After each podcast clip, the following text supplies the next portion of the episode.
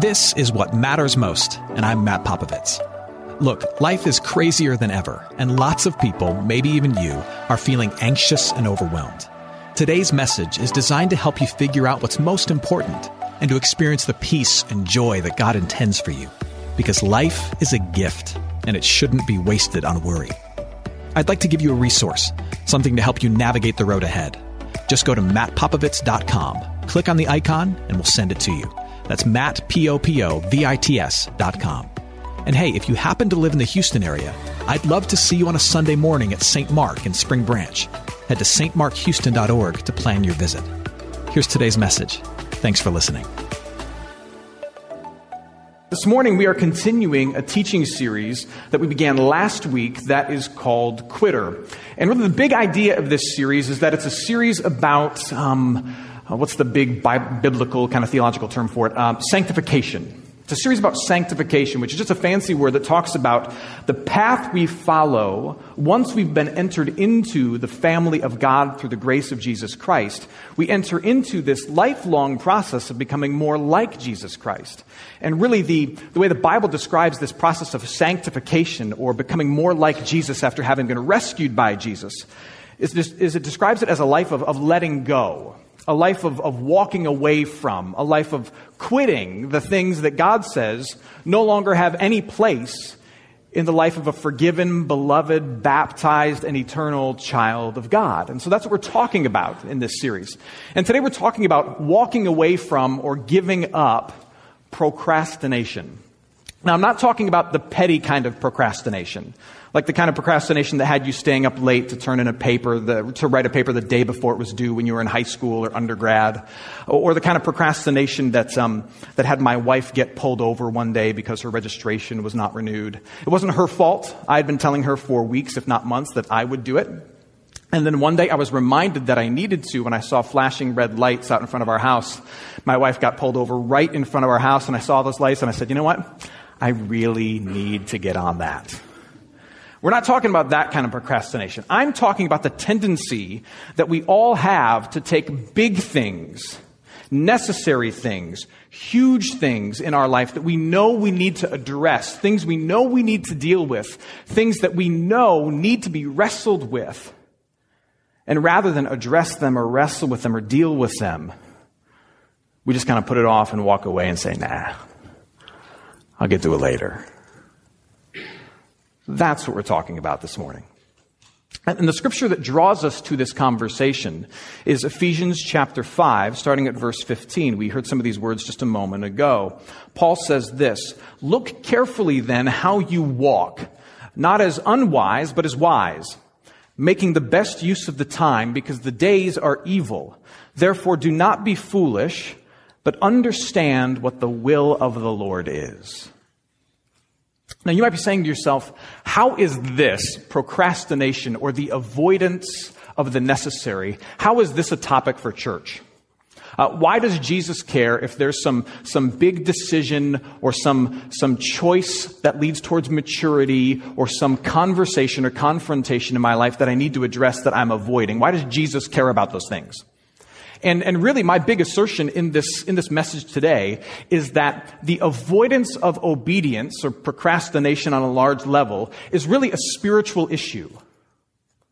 The avoidance of obedience, whatever form, is really ultimately a spiritual issue. Because at the base level, what we believe as followers of Jesus Christ, and if you're not a follower of Jesus Christ, this is kind of some important logic for you to kind of grasp you can see what our worldview is, okay? As followers of Jesus Christ, we believe that God is real and that the reality of God, the very existence of Him, fills our life with two things. It fills our life with morality and urgency. God is real, and so He fills our life with an awareness of morality and urgency. If there's a divine creator over all things, someone who has, has handcrafted this existence and who has, who has made me and placed me into this existence, then there are some implications. The implication of there being a designer means that there's a design to follow, that I must seek out morality. The implication of there being someone who has made me and put me within this design is that there's a purpose that I must pursue and a window of time for me to pursue it that is short, my 77.8 years that, that the average lifespan says I'm going to get. That's where the urgency comes from. And I can either actively seek to discover what it means to be faithful under the banner of this designer. I can either seek to, to embrace what he's asking of me in order to move my existence forward. I can pursue those things proactively, or I can just kind of check out of the process and walk away from them and say, forget it.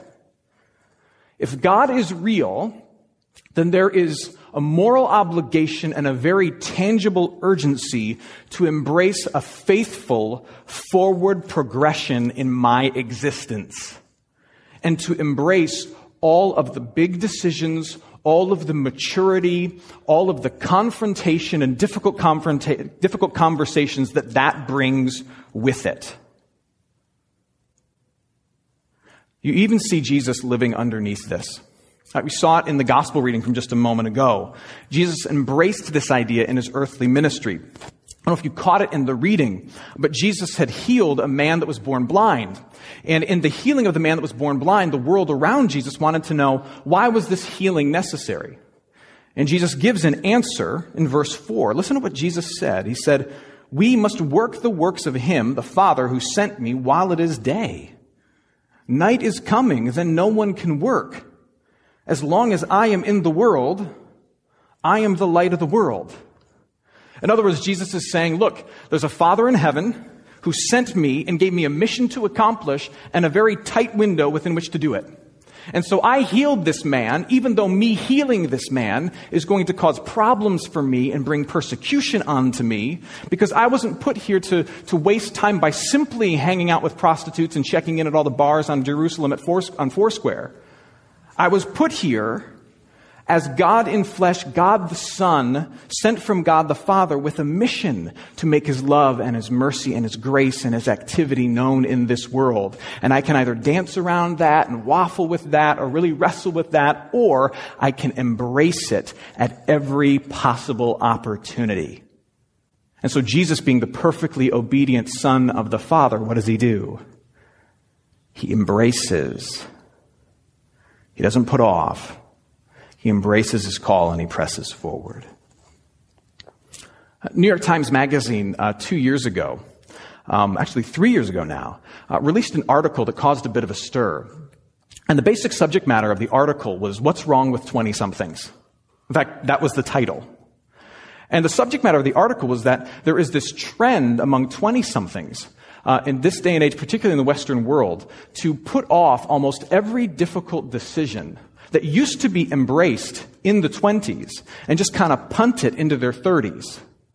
So that for many 20 somethings, they go through a whole decade of their life without ever addressing some of the major issues in their life, major decisions that need to be made, major maturing that needs to occur, major changes in life that, that typically have taken place. And then now there are a whole series of writings and studies that are being done involving 30 year olds who are saying now, I am living with a deep sense of regret because I feel like I wasted a whole decade of my life.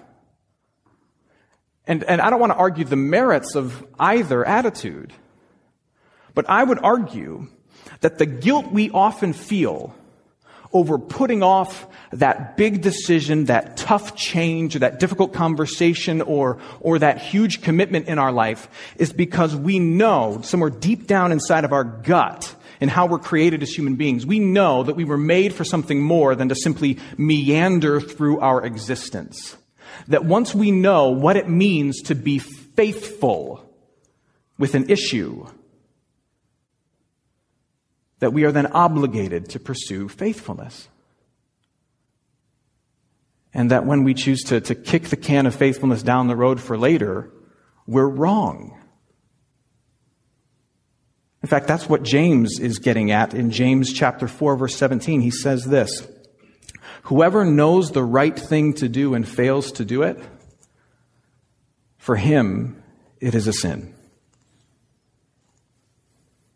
So, so, the question I want to put in the center of the room for us this morning is this What are the areas of your life, my life, where avoidance has taken hold? I mean, and only you and I know the answers to that for us. What are the areas of your life of where maybe some maturing needs to take place or some commitment needs to take place or, or a big decision needs to finally be made. But instead of those things, avoidance has taken hold. Where despite a, a, strong sense of what it means to be faithful in that area, in that decision, there has been no resolution, no embrace of the next step by you. What is it? And you know. The scriptures talk a lot about this, uh, particularly in books like, uh, like Proverbs. The scriptures talk about a lot about this whole idea of putting off the obvious, putting off what needs to be done. And one of the things that becomes clear when you flip through the scriptures and you look at how, how the Bible talks about avoidance or procrastination or not doing what's necessary, what you see is that in the scriptures, uh, according to God's word, there are usually one of three things at the heart of it for a person. When you get down to it, the reason I'm avoiding something, you're avoiding something that we know needs to happen, that, that would be faithful for us to do. The reason we avoid it is for one of three reasons. It's either out of laziness, or rebellion, or fear. At the heart of our avoidance is either laziness, rebellion, or fear. And that can sound harsh, but if you think about it, it's really true. And I want to put these out there for you to see which one of these resonates for you. Now, let's start with laziness. You and I have all known someone in our life who is just uniquely lazy. And real laziness, I would argue, is, is rather rare, and it's an art form. But if this is all a spiritual issue, ultimately, if God is real and He presses upon us some morality and urgency to move forward in our life, and, and if our avoidance of issues is ultimately a reflection of, of how we feel about God and our role in God's world, then here's what the scriptures would say to the lazy person that laziness is ultimately a rejection of God's majesty. To be lazy is to reject the majesty of God. Now, what I mean by that is you reject the majesty of God by being unimpressed with the gift of life that He's given you and the beauty of the world that He's put you into. You lack the awe and the wonder of this world that inspires action in the majority of people, but for you, the lazy person is just not there. Now, rebellion is different. Rebellion is a different kind of rejection. Re- rebellion is a rejection of God's authority. For whatever reason, you're angry about the right choice that has been put in front of you. You don't like the next step that you know you need to take, or even the fact that there's a call to maturity in general in your life that's been put in front of you by your parents or by society or by the man, whoever you call it. But ultimately, you don't like the fact that there are next steps and choices put in front of you by God. And the angry or rebellious person is frustrated with the fact of, of, a, of a lack of freedom that they perceive to be in this world. And their avoidance is a way of, of asserting their autonomy from a system that they don't like and an authority that they ultimately reject. But what I would say is that for the majority of people, it's not about laziness for the majority of people, it's not about rebellion. For the majority of people, and I'll put myself in this majority, when I've avoided issues, it's about one thing. For me, and maybe for you, it's about fear. When I avoid what I know is faithful in a relationship, in a decision, in leadership, in my life, it's out of fear. Often, what handcuffs us from doing what we know is right, from embracing life's urgency and morality, is a fear of messing it up. Because deep down, nobody wants to look back on their life tomorrow with regret. And so that keeps us from doing much of anything today. But here's the tough truth fear, too, is a rejection. If if laziness is rejecting God's majesty, if, if rebellion is rejecting God's authority, fear is a rejection of God's goodness. Choosing to live in fear and then opting out of what I know is the right decision or the path of maturity in my life is to reject God's goodness. It's refusing to trust the, that the path that God has put in front of me is ultimately good for me. I hope you're enjoying today's message. For more of what matters most, you can head to mattpopovits.com. There you'll find other messages. You can support this ministry as well as access your free gift. Oh, and if you're looking for a local church and you live in Houston, come and see what's happening at St. Mark Houston. To plan your visit, head to stmarkhouston.org. Thanks for listening, and back to today's message. So now, right about this point in the conversation, you might be asking yourself, okay, so, so Pastor Matt, you've, you've framed the, the problem pretty well. We all avoid to a certain degree, and there's a bigger spiritual issue at play. But, but then what's the antidote? Yep, I, am rebellious because I'm lazy, or, or, I'm avoiding things because I'm angry or out of fear. Um, and if it's ultimately a spiritual problem, then what's the spiritual solution? Well, here's the spiritual solution, and you probably know what I'm going to say, but I have to say it because it's true and it's the answer for everything. The antidote to avoidance is the cross of Jesus Christ. The antidote to avoidance is the cross of Jesus Christ. God's answer to your laziness, to your rebellion, or your fear is the death and resurrection of His Son. No matter what sits at the heart of your unwillingness to make the choice and move forward, the cross of Christ is what compels and comforts the procrastinator. And you see this throughout Scripture. The cross of Christ is there to compel and to comfort the procrastinator. So when we look at the cross of Jesus Christ, and we see the Son of God on the cross crucified for you, for me, here's what it speaks to us in the face of our unwillingness to, to embrace the big decisions of life. Here's what it says it says that our casual rejection of what's right and our constant lack of urgency in this world angers and grieves the heart of God so much, who gave us the gift of life, who has crafted this world. It angers and grieves the heart of God so much and leads to so many other ultimate evils in this world that it demands a death in order to be paid for that our avoidance and our unwillingness to embrace and enjoy the life that God has given so angers and grieves the heart of God that in order for justice to be done, that had to happen the crucifixion of Christ. And if God in flesh is crushed for the evils in this life, then how important is your faithfulness and my faithfulness in this life? God puts a premium on what happens in this life, so much so that when we mess it up, it deserves a death in order to forgive it. I mean, think about this. Try to look at the cross of Jesus Christ. Try to look at the cross of Jesus Christ and stay lazy. Try to look at the cross of Jesus Christ and say, yes, this life is about sitting in my underwear and playing video games. I mean, you, you can't do it. That's like staring at the Grand Canyon and just kind of shrugging your shoulders. Like, nah, I'm not impressed. No, the, the, cross of Jesus Christ, the Son of God, crucified for the sins of the world, it, it is sobering and it is compelling. But on the flip side, it is also deeply comforting. Because what it tells you in the face of your indecision is that God loves you so much that rather than reject you for your laziness, rather than, than turn his back on you because of your rebellion or punish you because of your fearful distrust despite his goodness, that rather than reject you because of that, he chose in advance to reject his son so that your sin could be paid for but so that having punished him, he can put, he can shower life and love and forgiveness and eternity on you. That's what the cross says. That he loves you so much, he rejected his son in advance so that he can continue loving and assuring and caring for and, and, and surrounding you in promises. When we look at the cross, what it says to us is yes, is that life has much more at stake than we have imagined but that the love of God is more extravagant for us than we can fathom.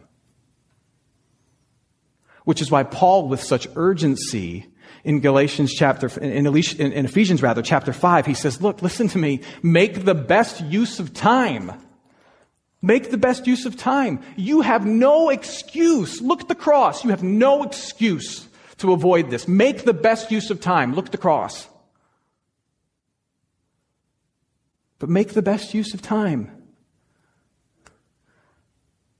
You have nothing to lose. Look at the cross. Look at the cross and discover that you have no excuse. But look at the cross and discover that you have nothing to lose. That's how much He loves you. Now, here's where the, the quitting kind of comes in. Um, as, we, as we embrace that understanding of how the gospel changes our, our view of, of the decisions that we need to make, to make, that it both compels us and it comforts, comforts us, a, a shift takes place. A shift can take place in the life of the believer.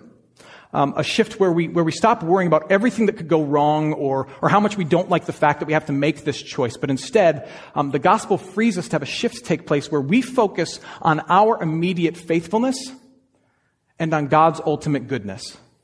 That's the mindset of a follower of Jesus Christ. My focus is on my immediate faithfulness and God's ultimate goodness. Uh, what often stirs up avoidance in our life is the fact that we tend to look way too far down the road and we think of all the things that could go wrong or all the things that could be required of us, and then we bow out and say, Yeah, but I don't want to get into that. Instead, what the follower of Jesus does, compelled by the cross and comforted by the cross, what the follower of Jesus does is says, No, I'm just going to look at what faithfulness means for me right now. Now, I'm not saying that you, that you aren't wise, that you don't look at all the implications of a decision, but there's a difference between being wise and borrowing worry in your life. One of my favorite verses about worry is, comes from uh, Proverbs 27, verse 1. It says this Do not boast or brag about tomorrow, for you do not know what a day may bring. And you might say, Pastor Matt, that's not about worrying. And I would say, What do you think worrying is but bragging about a tomorrow that you have no control over or knowledge of? Worry is a way of boasting because it assumes way too much knowledge about what's happening next.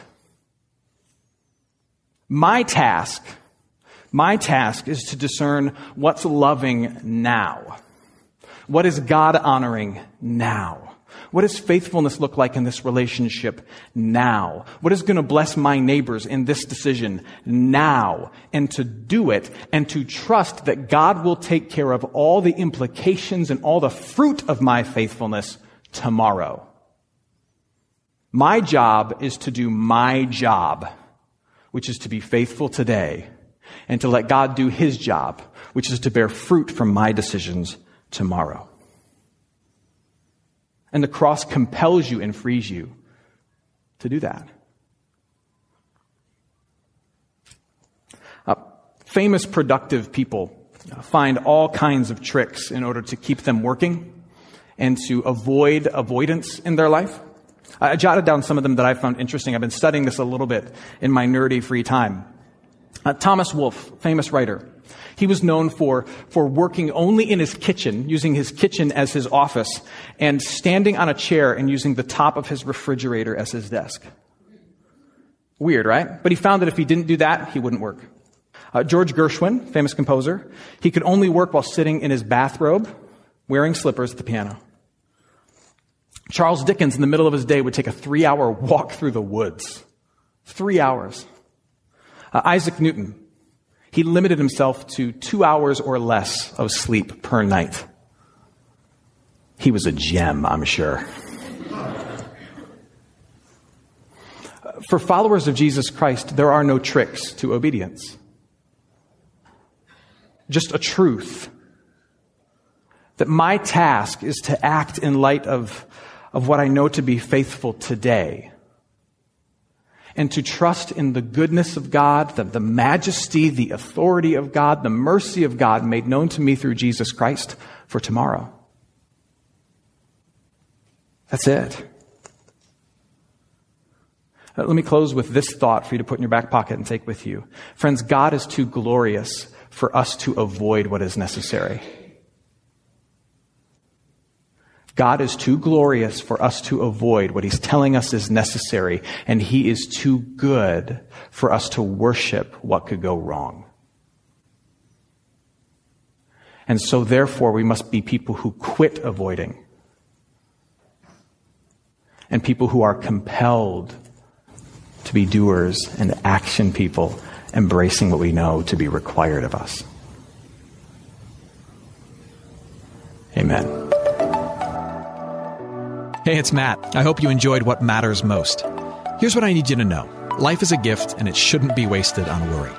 I want to help you figure out what's most important and to experience the peace and joy that God intends for you.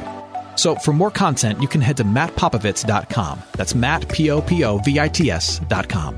There, you can also support this ministry as well as access your free resource, a little something to help you navigate the road ahead. I'd also love to see you on a Sunday morning. If you're in the Houston area, head to stmarkhouston.org to plan your visit. In the meantime, hit me up on Instagram at mpopovits or at facebook.com slash Matt Popovits Ministries. Thanks for listening. Now go and hold tight to what matters most.